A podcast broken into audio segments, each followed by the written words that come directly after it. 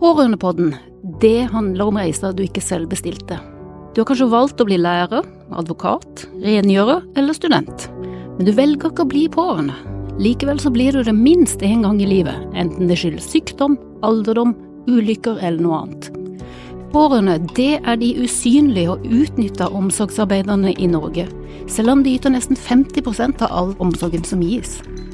Her setter vi søkelyset på pårørendes mange utfordringer. Vi tar samtaler med pårørende i alle aldre, med fagfolk, politikere og andre som har innflytelse over pårørendes hverdag, eller møter pårørende i sitt arbeid. Vi skal få frem de ulike perspektivene, og skal belyse ulike deler av omsorgen, både på godt og vondt.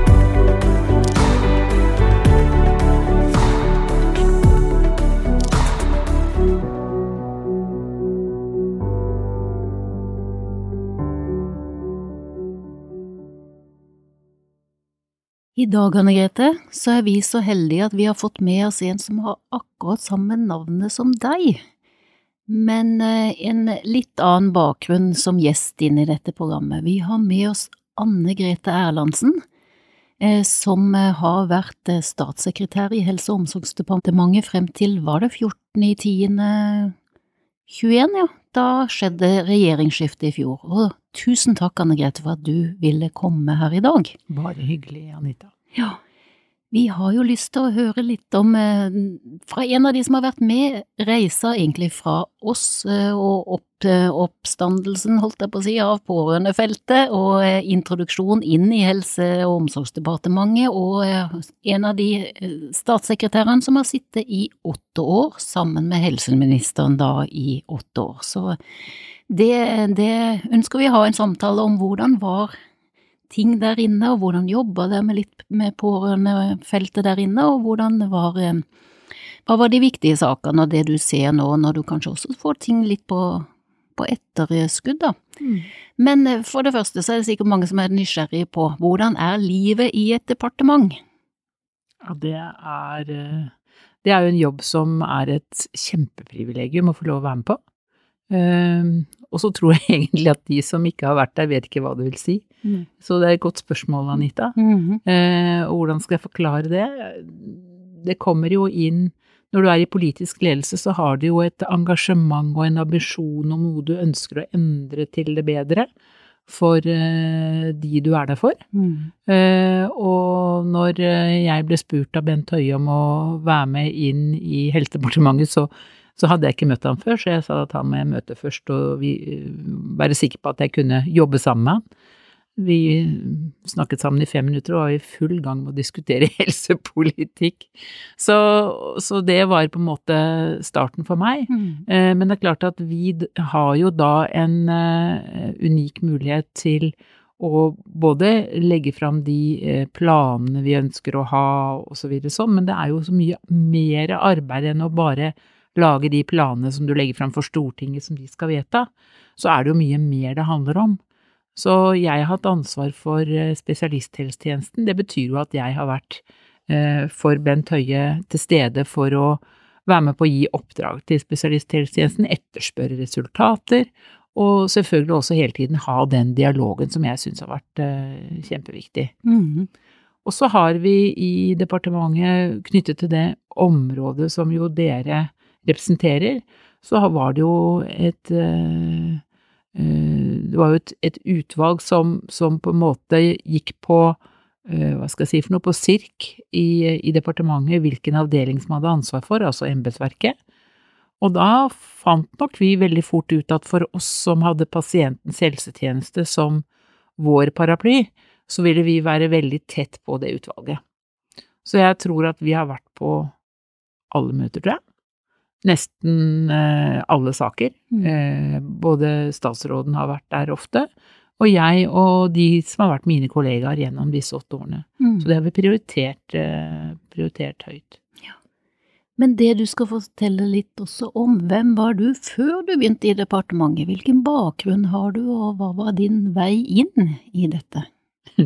Nei, jeg er Jeg pleier å si jeg er sykepleier. Jeg har jobbet i kommune, jeg har jobbet i sykehus, eh, jeg har vært eh, leder, jeg har jobbet i fagforbund, jeg har jobbet i skolen, altså vært med å utdanne sykepleiere. Eh, og jeg var i slutten, før jeg begynte i departementet, så jobbet jeg med kommunikasjon og samhandling, altså på en måte sykehusets ansikt utad. Og det var til omverdenen i form av våre samarbeidspartnere i kommunene, men selvfølgelig også til pasienter og pårørende, og til pressen. Og det var mye presse, som det blir jo alltid sånn når du jobber på et sykehus. Så, så det var på en måte min bakgrunn. Eh, og så har jeg vært eh, medlem av Høyre alltid. Uh, tror jeg nesten jeg kan si. Mm.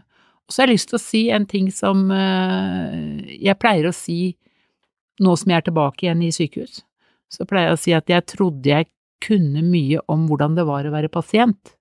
Og jeg trodde jeg visste mye om hvordan det var å være pårørende, mm. før jeg kom inn i departementet.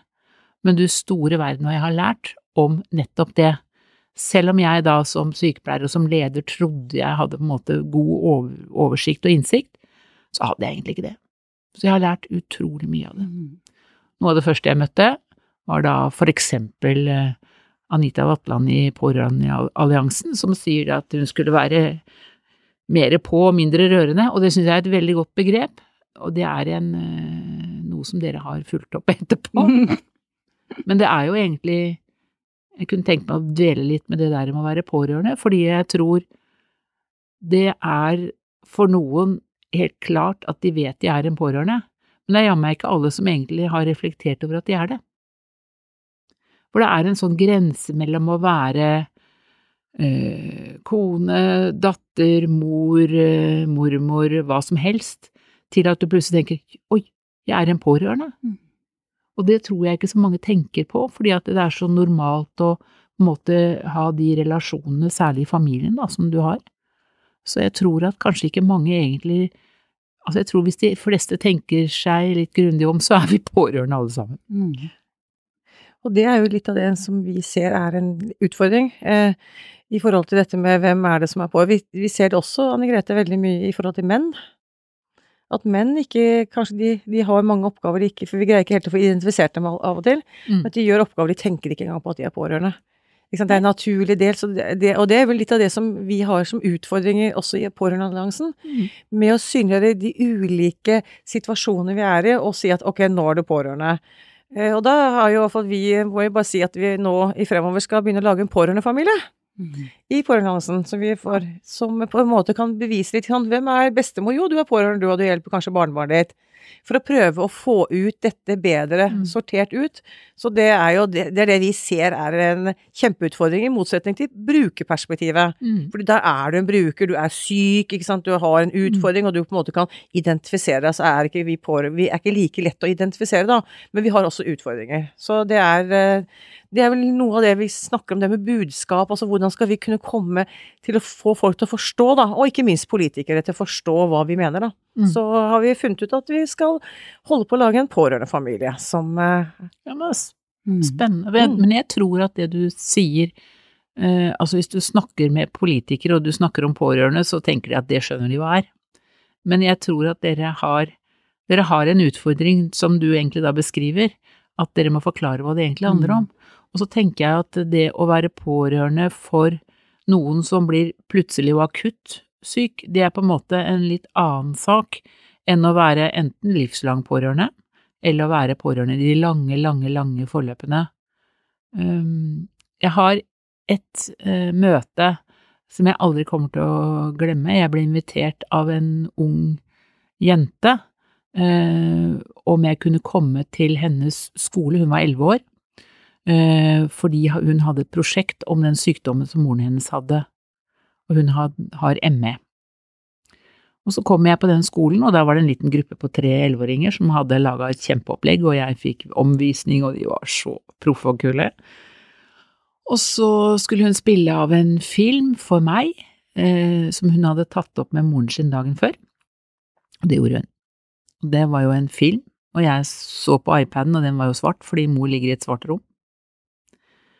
Og så når vi var ferdig med det her, så sier jeg til eh, den jenta, du må hilse moren din fra meg og si at jeg er veldig glad for at hun uh, tok seg tid og orket å snakke med meg. Det skal jeg gjøre, men jeg kan ikke snakke med henne før i morgen, fordi siden vi tok opp den filmen i går, så kan jeg ikke snakke med henne i dag, for da er hun for sliten. Og så sa hun én ting til. Jeg har en fetter. Faren hans har kreft. Da ble jeg, ble fetteren min invitert inn til ungdoms- og barneoppfølging av pasienter som har kreft. Men hvem er det som følger opp meg? spurte elleveåringen, og jeg var svar skyldig.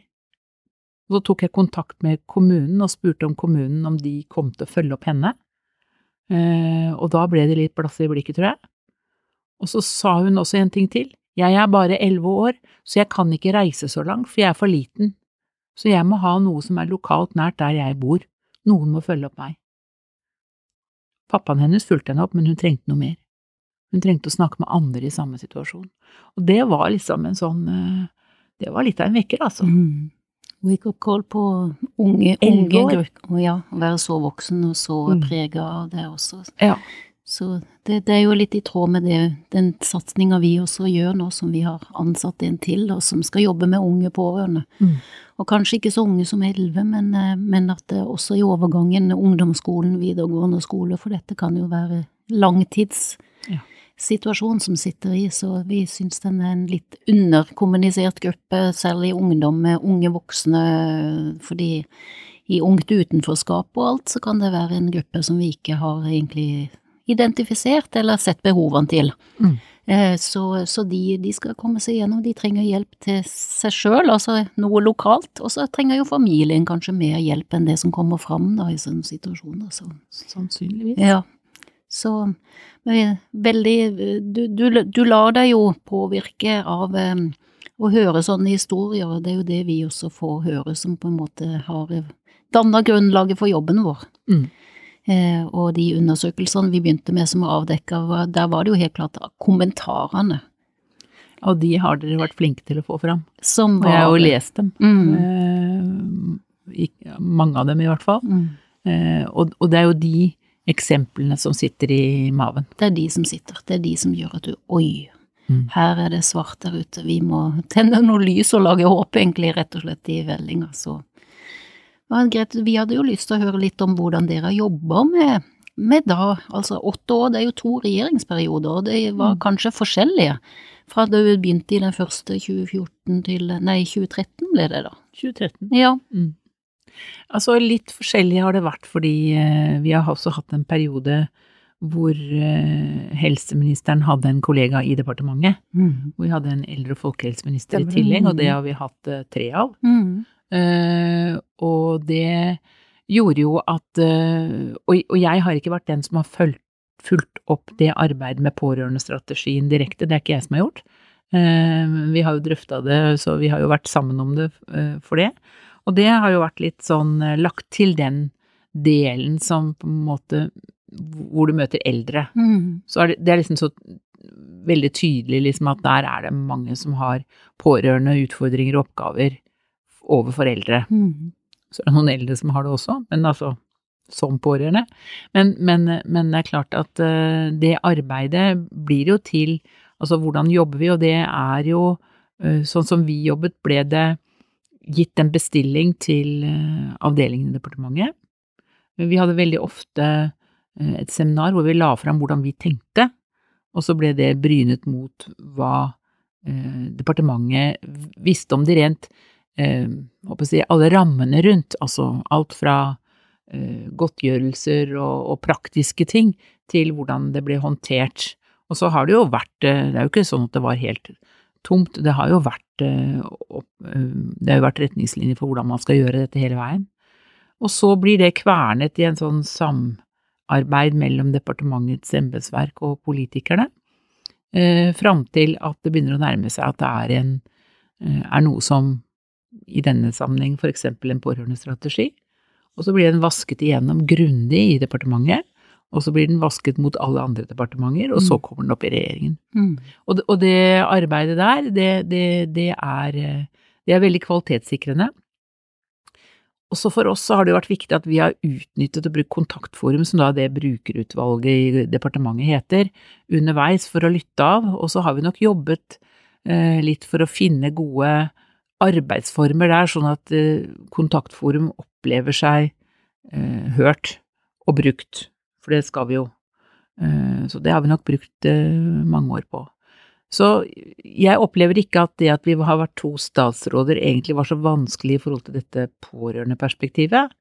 Eh, det har jeg ikke opplevd, men det er klart, fra mitt ståsted så har vi nok fra, fra vi som var der for Høyre, så har vi vært opptatt av at det skulle være allmenngyldig det vi snakket om, sånn at det skulle være mulig å treffe de fleste, og treffe likt. Og det er også kjempe, en kjempeutfordring. Jeg tenkte vi kunne tatt det, det var sånn to, en ting jeg bare lurte på, for det, vi vet jo at um, Høie, dere hadde jo dette pasientens uh, helsetjeneste, som er pasienten og brukermedvirkning og sånne ting. Og så har man jo nå, etter pårørendestrategien, kommet med mer kunnskap Eh, vi har levert inn mye kunnskap, har vært produksjon, eller iallfall vi pårørende er dem som har levert kunnskap de første årene til man fikk en pårørendeundersøkelse. Ja. Eh, og det ser man jo at eh, pårørendestrategien har mye bra i seg. Vi stjålet litt fra dere òg? Ja, det er bra. Vi syns det er fint, for at dere kan stjele veldig mye fra oss, og da får vi som vi vil.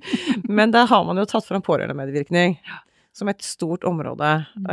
Og du, vi vet alle sammen at dersom du har tjenester for pasienten, så vil de nesten alltid påvirke meg som pårørende. Mm.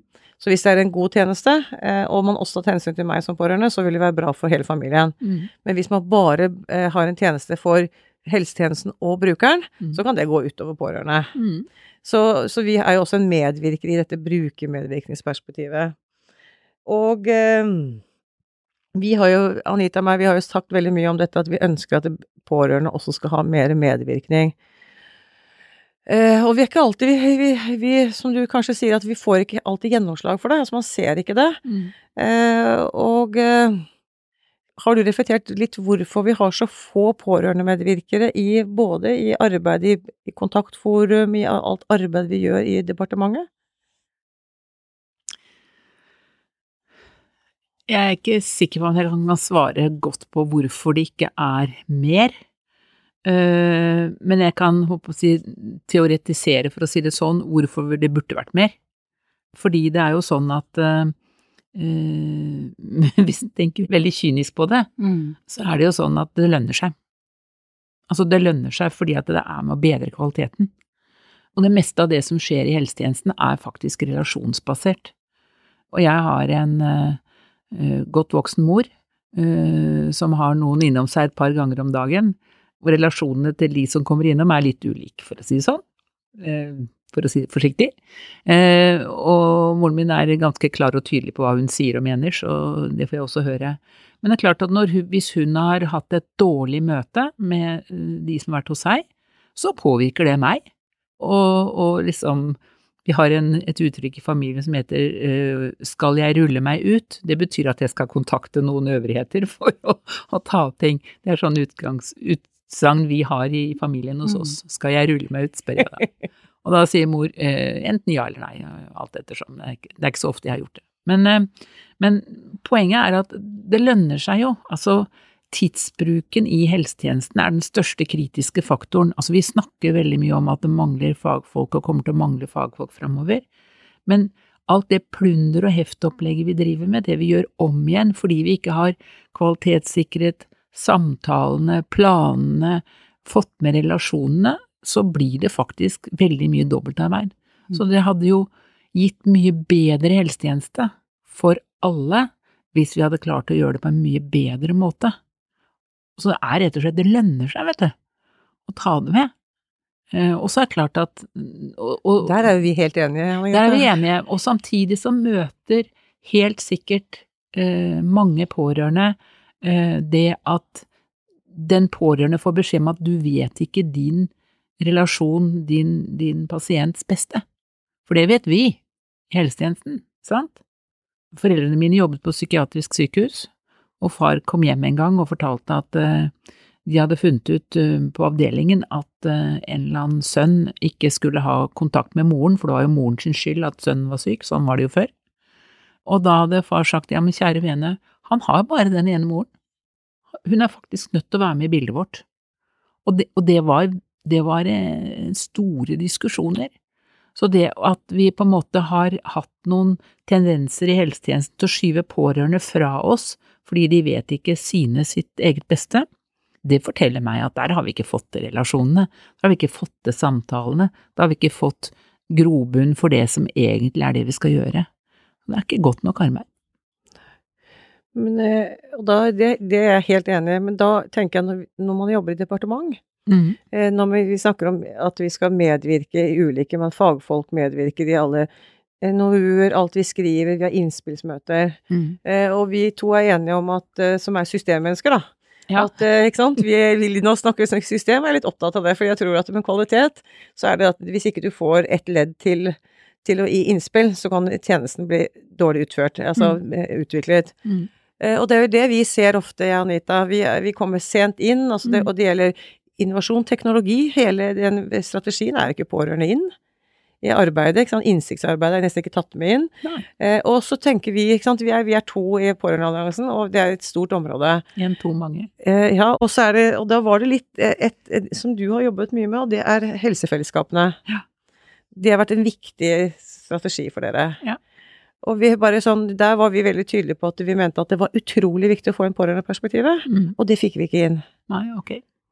Og da, ikke sant, og det, ikke sant, det var litt det der, og da når vi ser det nå ruller ut, der det ikke er tatt med, så tenker jeg da som, når det er en så viktig reform, Mm. at eh, hva er det som gjør at man nå ikke har sett hvor viktig det er at det også er en part i dette Mm. utviklingsarbeidet? Så tenkte jeg litt ålreit å høre med deg, fordi du kjenner så godt til arbeidet. Når vi Mm. ser nå hvordan dette rulles ut, og det er ikke Det perspektivet er ikke tatt med inn, og da tenker jeg at eh, da lager vi noe som ikke sannsynligvis vil være optimalt de neste ti årene. Ja, Nå sitter jeg litt tettere på det som skjer lokalt, da, Ja. i det helseforetaket jeg jobber.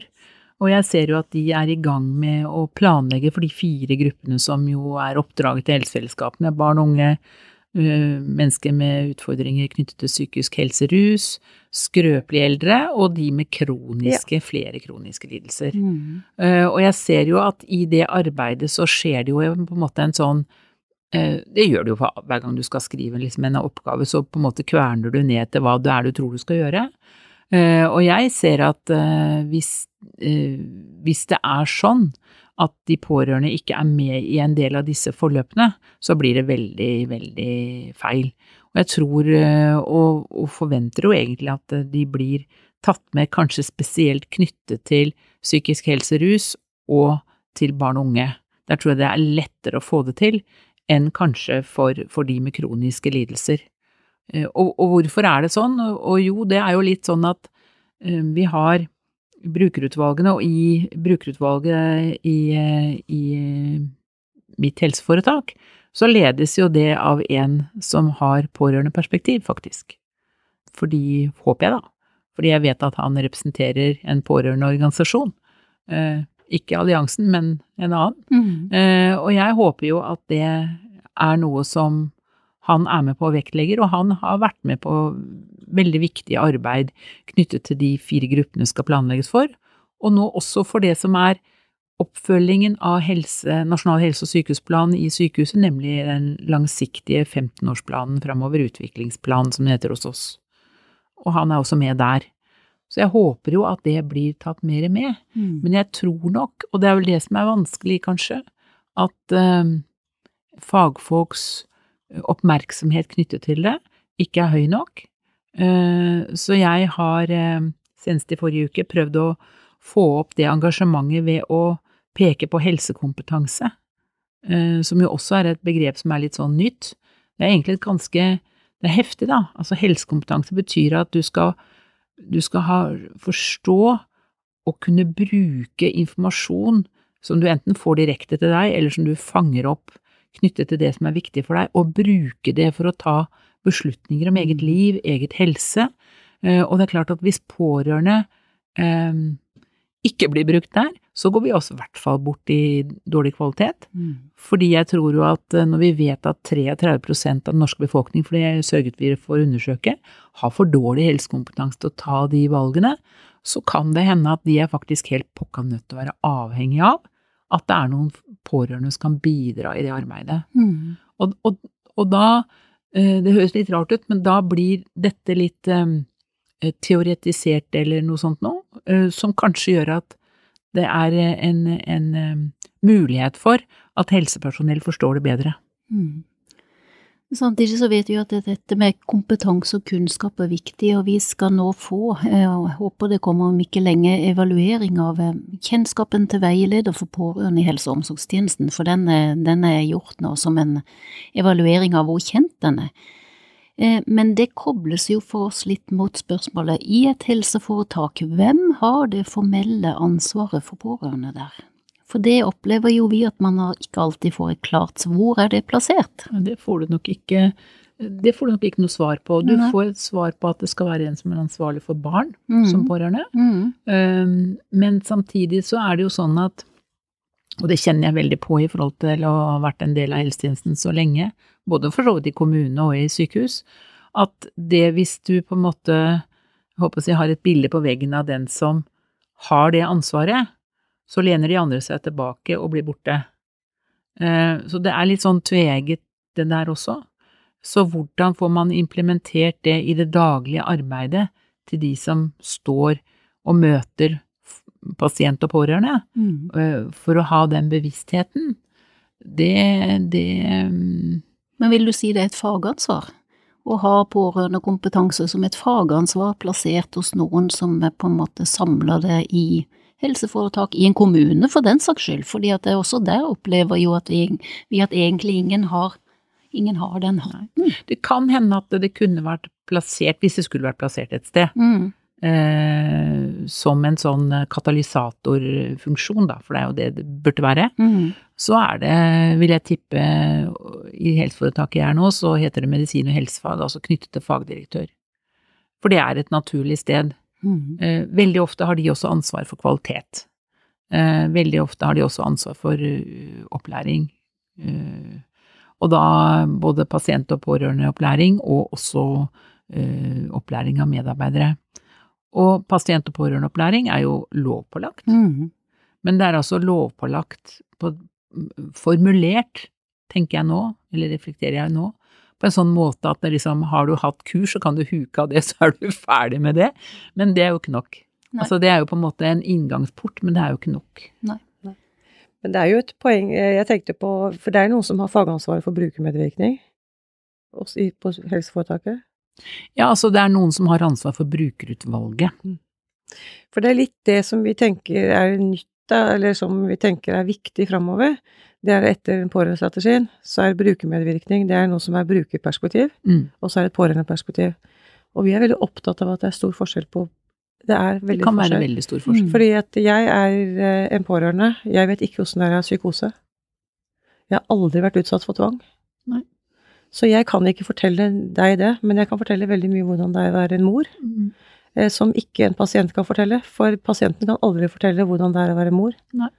Så jeg tenker det, det å få løfta ut pårørendeperspektivet er vi i mm. Pårørendealliansen veldig opptatt av, og mener at eh, pårørendestrategien er et godt verktøy. Mm. Men vi tror at det må plasseres mye bedre inn i sånn som fagdirektør. Mm. Fordi hvis det er med kvalitet, så må du høre Må du få informasjon fra den som kan si noe om riktig kvalitet. Mm. Og en bruker kan ikke fortelle hvordan en tjeneste skal utvikles i forhold til det å være familie. Og da er det ett eksempel kan vi ta. Det er for eksempel eh, alle tjenester som leveres fra sykehuset, kjørekontorene. Alt som skal leveres sånn som vi kjenner til, så er kjørekontoret De stenger alltid klokka to på fredager. Oh ja. Mens familien, familien ja. vi er fri på i helgene. Ja. Og det er veldig dyrt å ha, ha folk eh, bemanna i eh, institusjoner. Så vi kan ha permisjon, men det er ingen som kan kjøre til eller fra. Fordi den tjenesten er selvfølgelig utviklet i helseforetakene i forhold til pasienten og helsene, men ikke i familien som er ute. Mm. Det er ett et eksempel av mange ting mm. der man ikke greier mm. å få inn gode tjenester, ja. så må det være billig og bra for alle parter. Ja, antageligvis, uh, tenker jeg, noe som forhåpentligvis etter hvert vil kunne digitaliseres, for det hadde vært mye enklere. Faktisk. Ja. Men det var litt det, vi bare, det, er det er bare et, et, et, mm. eksempel av mange vi ser, og, og det, er, det er liksom, litt det er litt det du egentlig forteller, da. Det er at pårørende er med på å fylle ut gapene, mellomrommene, de tingene som ikke fungerer, så er dere med på å fylle ut det området. Altså øh, og, og håper si jeg er jo pårørende sjøl i flere sammenhenger, øh, men jeg ser jo at, at det er jo øh, på en måte også noe som gjør at vi får en, eh, når det er planlagt, en god rolle. Så det er jo ikke det. Veldig. Det er, det jo er ikke, det er jo ikke det du ja. snakker om, Nei. men du snakker om der hvor det på en måte kommer fordi det ikke er noe annet. Eh, og, og noe av det vi jo har fått til, og som jeg hører, og det hørte jeg senest for uh, i går, uh, og det er de gode erfaringene med, med de tverrgående teamene i ACT og FACT, som gjør at de pårørende opplever at de blir avlasta Mm. For veldig mange oppgaver, og får muligheten til å være pårørende med den relasjonopplevelsen som er viktig for pårørende overfor den som er syk, men slippe å være koordinatoren. Eh, Og det er jo dessverre, og det har vi jo også i den eh, regjeringen jeg var en del av, la- dette med likeverdsreformen er jo også et viktig element i det. Mm. Uh, dette er ikke det jeg kan aller best, men jeg, vet, jeg kan liksom overskriftene på det, og vet at det er jo kjempeviktig, særlig for uh, familier som har uh, barn som trenger mye hjelp. så er det jo noe med å tenke på at pårørende har dette inn i livet sitt. Så man snakker jo mye om digitalisering, og vi får jo høre sånn hvorfor, hvorfor snur man ikke ting på hodet, da? For det kommer jo gjerne et brev hjem til typisk kanskje mor 92 eller eh, noe annet om at nå har du en time. Eh, da og da til oppfølging hos en eller annen spesialist klokken sånn og sånn. Ja. Eh, Istedenfor at det kanskje kom en, eh, et brev hvor det sier nå trenger du oppfølging, vennligst eh, eh, bok tid. Mm. Eh, og så kan jo den da, for den må 92 kommer jo ikke dit av seg sjøl, hun må som regel kjøres av noen eller følges av noen, og da kunne man sagt at da får jeg det inn i kalenderen min, og jeg kan på en måte booke meg inn når det passer jobb og, jobb og arbeidsliv og sånne ting istedenfor det. Så det at man, man kan snu ting på hodet og sette tjenesten ut også, også Absolutt. for å hjelpe de. eh, Så det er sånn tips i, forhold til at du skal jobbe på helseforetak nå videre. Lag også den muligheten. Mm. At eh, folk kan um, tilpasse det inn i sin timeplan. Jo, det er klart det er kjempeviktig. Mm. Eh, Og hvis du skal ha muligheten til å gjøre det, da, fordi sannsynligvis er det bedre for mor 92 å ha med seg noen av sine, enn å ha en drosjesjåfør som hun er usikker på om kommer til å følge henne helt inn, og en drosjesjåfør som hun er usikker på om hun kommer til å finne når hun skal hjem igjen. Altså, Mm. alle de der usikkerhetene, det, og, og det er jo noe som um, jeg er blitt enda mer oppmerksom på, det er jo at og det håper jeg da, eh, at pasientene opplever seg veldig liten i møte med et stort helseapparat, som jo også sitter på forvaltningen av noe av det viktigste for oss, nemlig helsegoder, liksom. Eh, Og derfor så blir vi så flinke til å tilpasse oss eh, som pasient. Og så er pårørende på en måte i ringen utenfor, eh, og blir da enten passifisert, eller blir overaktivisert, eh, på en måte. Og, og da blir begge deler feil. Eh, Så jeg tror jo at helsetjenesten, og det er kanskje noe av den lærdommen jeg syns jeg har fått, da, at helsetjenesten forstår faktisk ikke det avhengighetsforholdet. Forstår ikke hvor viktig det er å tilrettelegge for det, Mm. slik at det fungerer godt i familien, fordi det skaper den tilliten du er avhengig av for å få en kvalitativ god helsetjeneste, faktisk. For det er veldig mye med ikke bare hvor, hva du får, men hvordan får du det. Mm. Ja, for vi skuler jo ofte, eller peker ofte på hvordan man samarbeider hjem-skole. Altså litt eh, noe av det samme, og tenker i hvert fall ute i kommunen at der kan man gjøre mye bedre eh, hvis man eh, låner og stjeler en del ting, og bare gir folk en kontaktperson, og så gir de litt forutsigbarhet og gir de en noe de kan planlegge, så klarer jo de fleste, eller veldig mange, å få et forutsigbart liv sjøl, og det er jo det jeg syns bør være rammebetingelsene i en, i en kjip situasjon som mange står i, og også over tid når de får en ny normal, da. Så, så vi tror jo det på dette som sto i samarbeid, samarbeidsavtale, som sto i pårørendestrategien, dette med å få det på plass i kommunehelsetjenesten faktisk hadde vært et godt, eh, er et godt verktøy. Jeg tror forutsigbarhet er en veldig viktig nøkkel Mm. Eh, for alle. Eh, og jeg tror jo at eh, både den som er syk og de som er rundt, opplever jo så mye utrygghet som egentlig er helt unødvendig. Som kunne vært mye bedre håndtert hvis du hadde opplevd den forutsigbarheten. Mm. For det gir så vanvittig mye mer tillit. Men hva tror du om veien videre nå, da? Hvor, hvor går helsetjenesten nå, etter en pandemi, etter utfordringer som virkelig er kommet tydelig frem?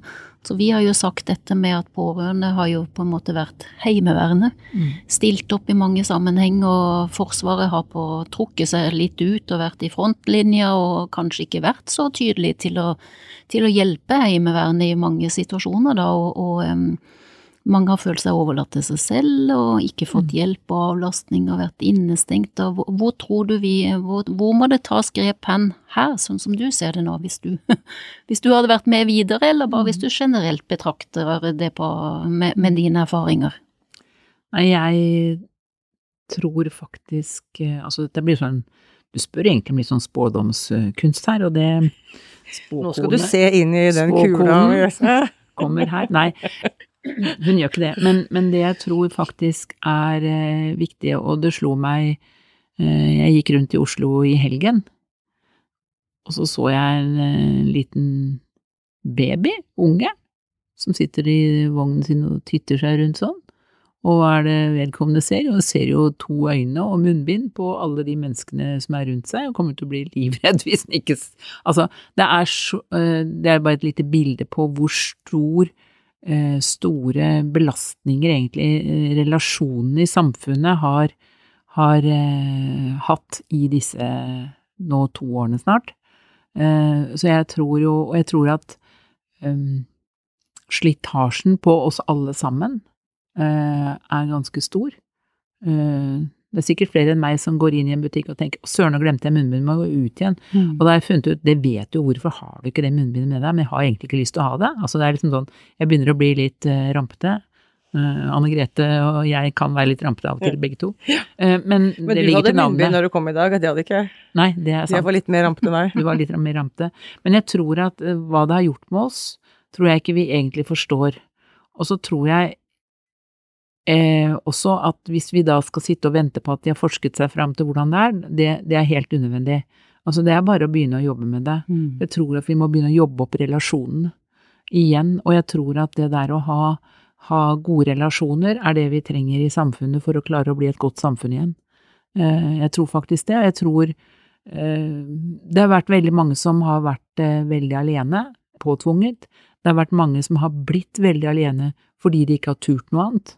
Så det er så utrolig mange fasetter av dette som eh, så, og, altså folk har vært redd for å gå ut. Men tror du samfunnet som et samfunn faktisk har sett at hvor essensielt helse og helsevesenet og alle tjenester rundt er, eller blir det fort noe som vi glemmer når vi haster videre i hamsterhjulet og skal inn i bærekraft og energiforandring og sånne ting? Har vi klart å se at uten omsorgsarbeid så skjer faktisk ikke noe annet arbeid? Jeg tror at eh, Jeg tror faktisk eh, på en eh, Jeg har håp om at det er en kunnskap som vi har med oss videre. Mm. Jeg tror at folk har lært, altså bare høre hva folk snakker om seg imellom, som er egentlig ganske avansert helse, som de har lært seg fordi at vi har vært i pandemisituasjonen alle sammen. Så jeg tror at vi har lært mye, og jeg tror at det også gjør at når du har lært noen ting, så er det lettere å holde den kunnskapen ved like enn hvis du kan bare bitte lite grann. Så det håper jeg. Mm. Eh, Så sånn sett så er det jo et spørsmål om helsetjenesten er flink nok til å utnytte den, eh, hva skal jeg si for noe, eh, det grunnlaget da, til å, å igjen skape det som jeg snakket om i sted, dette med helsekompetanse. Fordi hvis du skal klare å navigere dette verden her, og, og det er jo sånn, det har jo vært vanskelig, og særlig nå i det siste hvor folk sier ja, hvilken dag er det i dag, Ja, hvilke regler gjelder i dag, da må jeg liksom finne ut det, må jeg google det for dagen, liksom. Og jeg har funnet ut sjøl, som egentlig kunne dette hele tiden, jeg har funnet ut at jeg ser på det når jeg trenger det. Jeg, jeg orker ikke å måtte følge med hele tiden. Eh, Men jeg tror at den kunnskapen om helsetjenesten og hva den egentlig er, den tror jeg er viktig at vi, vi vedlikeholder og utnytter. Eh, Det tror jeg eh, absolutt. Mm. Vi se åssen det går. Ja, vi får jo se åssen det går. Um, Det styggeste vi kan gjøre er å ta fra folk håp. Det er et styggeste Ja. tyveri jeg vet om. Mm. Men det var eh, For sant, det helsetjenesten, det er iallfall én ting til som jeg tenkte som vi Når jeg tenker på deg, da. Det er mye jeg tenker når jeg tenker på deg, som du har gjort, som er eh, Som er bra. Nå er jeg spent, altså. Ja, nei, men du har jo vært en litt sånn Iallfall det jeg har fått inntrykk av, da. Så kan det være feil, Anne Grete, men dette med hjemmetjeneste, altså eh, med sykehuset Vi skal behandles hjemme. Ja. Det har du, i hvert fall det inntrykket jeg har fått, at det har vært en liten ivrig, en liten ivrig sjel for at det er viktig at pasienten skal slippe å være inn på sykehuset lenge. Så vet jeg ikke om det kommer av at vi har trange sykehus, eller små sykehus, om det var det, men det har i hvert fall vært, du har vært, hatt et foredrag på det, og eh, Mm. Vi, jeg må, vi må innrømme at vi er noe mer skeptiske til denne entusiasme rundt å ha, eh, ha ja. behandling hjemme. Du er ikke så entusiastisk som meg. Nei, det, det, er sikkert bra for, uh, for de som skal både kan sitte og være på sin egen do og, og sånne ting, de som er pasientene. Men vi har jo sett og ser jo de belastningene nå som kommer kjølvannet av dette uh, for pårørende. Ja. Eh, og det var kanskje litt eh, igjen at eh, vi har ikke vært med på den reisen, vi pårørende med det perspektivet. Nei, det skjønner jeg. Og, og her er det jo en situasjon hvor ting utvikler seg før vi egentlig oppdager det. Altså, det skjer for eksempel eh, avansert hjemmesykehus for pasienter som har leukemi, for eksempel. Ja. Mm. Som jo vi har diskutert i kontaktforum. Mm. Men det er klart at det er et, et eksempel på hvor komplisert ting er. Hvor man da gir avansert, egentlig sykehusbehandling hjemme hos folk. Og med da en, håper jeg en klausul, eller hva jeg skal si for noe, om at eh, du som pårørende eh, må si fra hvis vedkommende blir dårlig, for da må vedkommende inn på sykehuset i løpet av en time. Altså så, så dramatisk. Og så må det veies opp selvfølgelig mot uh, Altså, jeg vet jo at det er egentlig ikke sunt å være på sykehus. på, på veldig mange måter. Mm. Eh, For en pasient med leukemi er infeksjonsproblematikken ganske stor. Men samtidig så er det også den derre eh, styrken det er i å være hjemme og leve livet sitt i normale omgivelser, utrolig viktig. Men man må hele tiden selvfølgelig balansere det mot hvilken belastning man legger på pårørende. For i denne sammenhengen så er pårørende en viktig helsearbeider. Og da tenker du at Anne Grete skal få betalt for det, at hun er der hjemme, sant? At det kompenseres for Ja, altså eh, det som jo har Mm. vært vår, eh, vår eh, tilnærming som samfunn, er at uh, du skal liksom ikke tape kroner og øre på det. Nei. Men det er jo uh, Det er nok en debatt som vi ikke er uh, har gjort grundig, fordi er det nok? Hva hvis dette er en, en person som for eksempel, bare tar et eksempel ut av hodet mitt, eh, er 22 år, holder på med studiene sine, må sette studiene sine på vent, kommer Mm. seinere til å være ferdig og kommer seinere i arbeid og med alt det det medfører. Altså, det er ganske mange aspekter eh, med det. Absolutt. Eh, Men det som vi jo vet, er at vi kommer til å måtte, tror jeg, gjøre veldig mye for å ikke bruke institusjoner, verken i kommune eller i spesialisthelsetjenesten, hvis vi kan unngå det. Men vi må vite at vi gjør det med kvalitet, da. Ja, og så må vi sikre den som eventuelt stiller opp, sånn at det ikke må være fagpersoner der, at det heller ikke blir noe økonomisk belastning. Og der tenker jo vi, altså barselpermisjon, foreldrepenger, altså skal Anne Grete være der med mannen sin hvis han er en, en behandling, og hun må være hjemme fra jobb, hvor på det ellers måtte ha vært en eh, sykepleier eller en eller annen der, så skal hun ikke være skadelidende av Mm. det, fordi at økonomien får seg jo en trøkk med sykdom ofte uansett. Da. Det gjør det. Og så Mm. er det jo én ting som jo bare må innrømme, og det er at eh, det er ett problem med sånne regjeringsapparater, og det er at det er flere departementer. Ja, ja. Og her eh, krasjer det jo, Mm. det vet jo dere godt, Mm. Krasjer man jo rett inn i flere departementer. Mm. Men, ja, og det er litt det jeg skal litt tilbake til, Anne Grete, med Mhm. kvalitet. For når man setter i gang et så viktig prosjekt, Mm. så tenker jeg at den identifiseringen da, av utfordringene i etter, altså av en leveranse, da, Mm. så, så har, jeg, har jeg tenkt hele tiden men hvorfor har ikke vi vært med inn allerede når man begynte å planlegge det? Mm. Mm. For da kunne man kanskje for to-tre år siden begynt å ta det opp med departementet. Mm. Man kunne hatt et pilotprosjekt, fordi at hvis mannen min hadde blitt syk, så hadde jo ikke jeg fått betalt for det, for jeg har ingen permisjonsordninger. For jeg, ikke, jeg jobber ikke i staten. Så jeg har ikke noe Jeg sa Anita, vi kan ikke Jeg må ta fri. Eller sykemelding jeg Eller på feil grunnlag, og det er det vi Så er litt utsatt så da. så, Mm. forstår det. Mm. Så det var litt, litt igjen tilbake til denne pårørendemedvirkningen, Mm. som jeg tror er helt vesentlig for å lykkes, som Mm. du sier, med hjemmesykehus, eller at vi ikke skal ha institusjoner. Så må vi på en måte være tidlig inn, og ikke si etterpå at ja, alt går seg, å nei, det gikk seg ikke til. Så men, det var- men samtidig så, for å være litt slem da, så er det jo sånn at sannsynligheten for at flere sånne eh, eksempler på nye måter å gjøre ting på, bare ruller av gårde, sånn at dere kommer ikke til å, dere kommer ikke til å oppleve at dere blir tatt med fra første stund, hver gang. Men poenget er jo om om vi klarer å få opp bevisstheten om at dere må inn så fort som fy, Mm. eh, i hvert fall.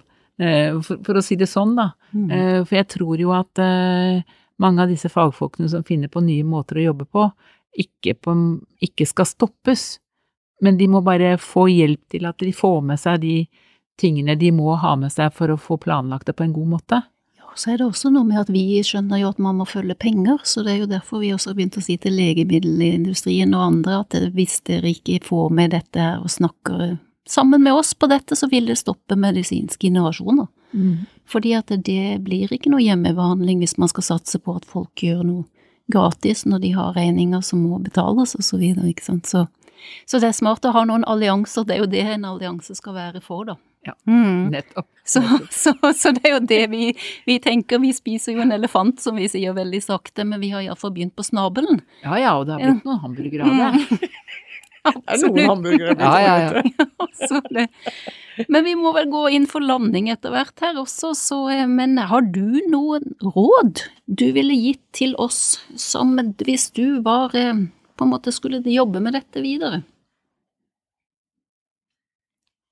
Det er bare Det er- å fyre av. Er- Mm. Jeg har egentlig ikke så veldig mange råd. Eh, Det som jeg har gitt dere ros for eh, før, og som jeg tror holder ennå, det er at dere er veldig eh, Dere er veldig Åssen skal jeg si det? Dere er veldig flinke til å gjøre det på en ordentlig måte. Gjøre ting på en ordentlig måte. Og det gjør at det ikke er så lett å bare feie dere av gårde. Det syns jeg var veldig fint sagt. Ja. Jo, men det er sant det. Altså, fordi, eh, fordi jeg tror at eh, hvis dere hadde kommet med sånn eh, plakater og, og, og surv, for å si det sånn, så hadde liksom bare ah, de der orker vi ikke snakke med. Men, men siden dere er, dere er konstruktive, og dere er bare de rapportene dere har fått laget, er kjempeviktige. Og det kan man ikke bare feie inn under teppet og så stå oppå det og tenke at nå er vi ferdig med det. Eh, Så det arbeidet dere gjør som har vært med så høy kvalitet, det tror jeg er det viktigste dere gjør videre, mer av. Mm. Det tror jeg. Mm. Eh, og så er det spørsmålet liksom om har jeg noen råd til dere? Uh, nei, altså egentlig så tror jeg at det slagordet som Anita sa til meg en gang i verden, med at dere skal være mer på og mindre rørende, er egentlig ganske viktig.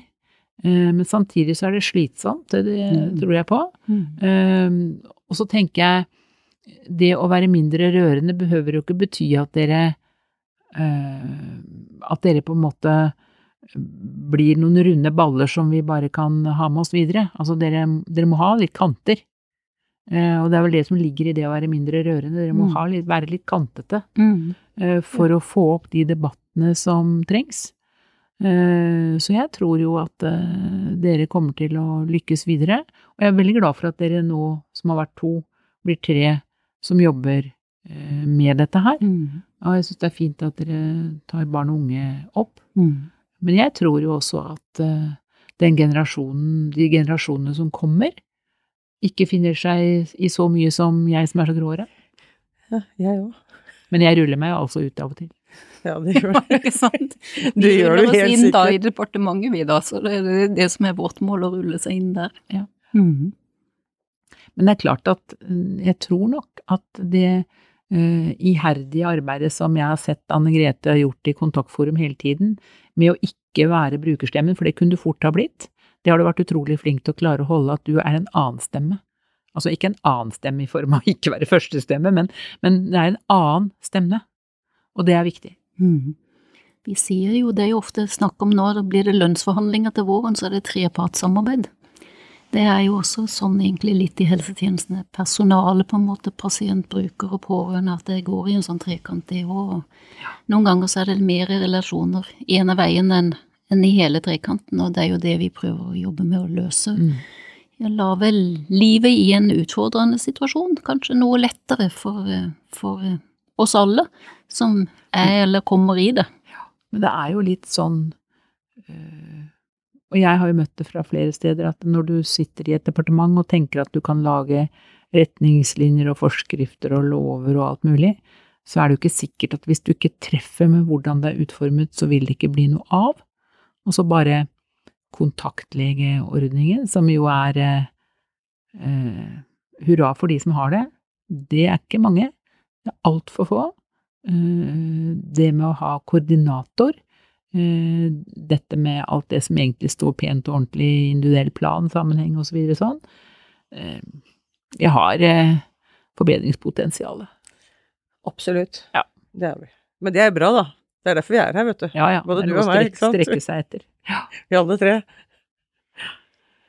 Det har vært veldig hyggelig å ha deg med og eh, høre dine betraktninger, og du skal ikke se bort ifra at du kommer tilbake når du har fått vært eh, litt lenger ute på andre, andre sida av departementet her. Eh, Det er kloke, kloke og, og reflekterende innspill du kommer med, og vi, vi trenger jo å spare med alle, og vi snakker med alle, både partier og alt, selv om situasjonen er jo litt annerledes fra en flertallsregjering med, med Solberg, med en mindretallsregjering nå, da, som, eh, som også trenger flertall på flere ting. Men vi sier jo at pårørendepolitikken egentlig bør og skal være upolitisk, fordi det er menneskepolitikk, eh, litt sånn i bunn og grunn det handler om. Og det er jo det vi skal fortsette å gjøre med, så tusen takk Anne Grete Erlandsen for at du stilte her i dag. Takk selv. Er dette tema for deg eller noen du kjenner? Følg oss gjerne på sosiale medier, hvor vi synliggjør og gir de pårørende stemme. Du finner alle lenkene i episodebeskrivelsen.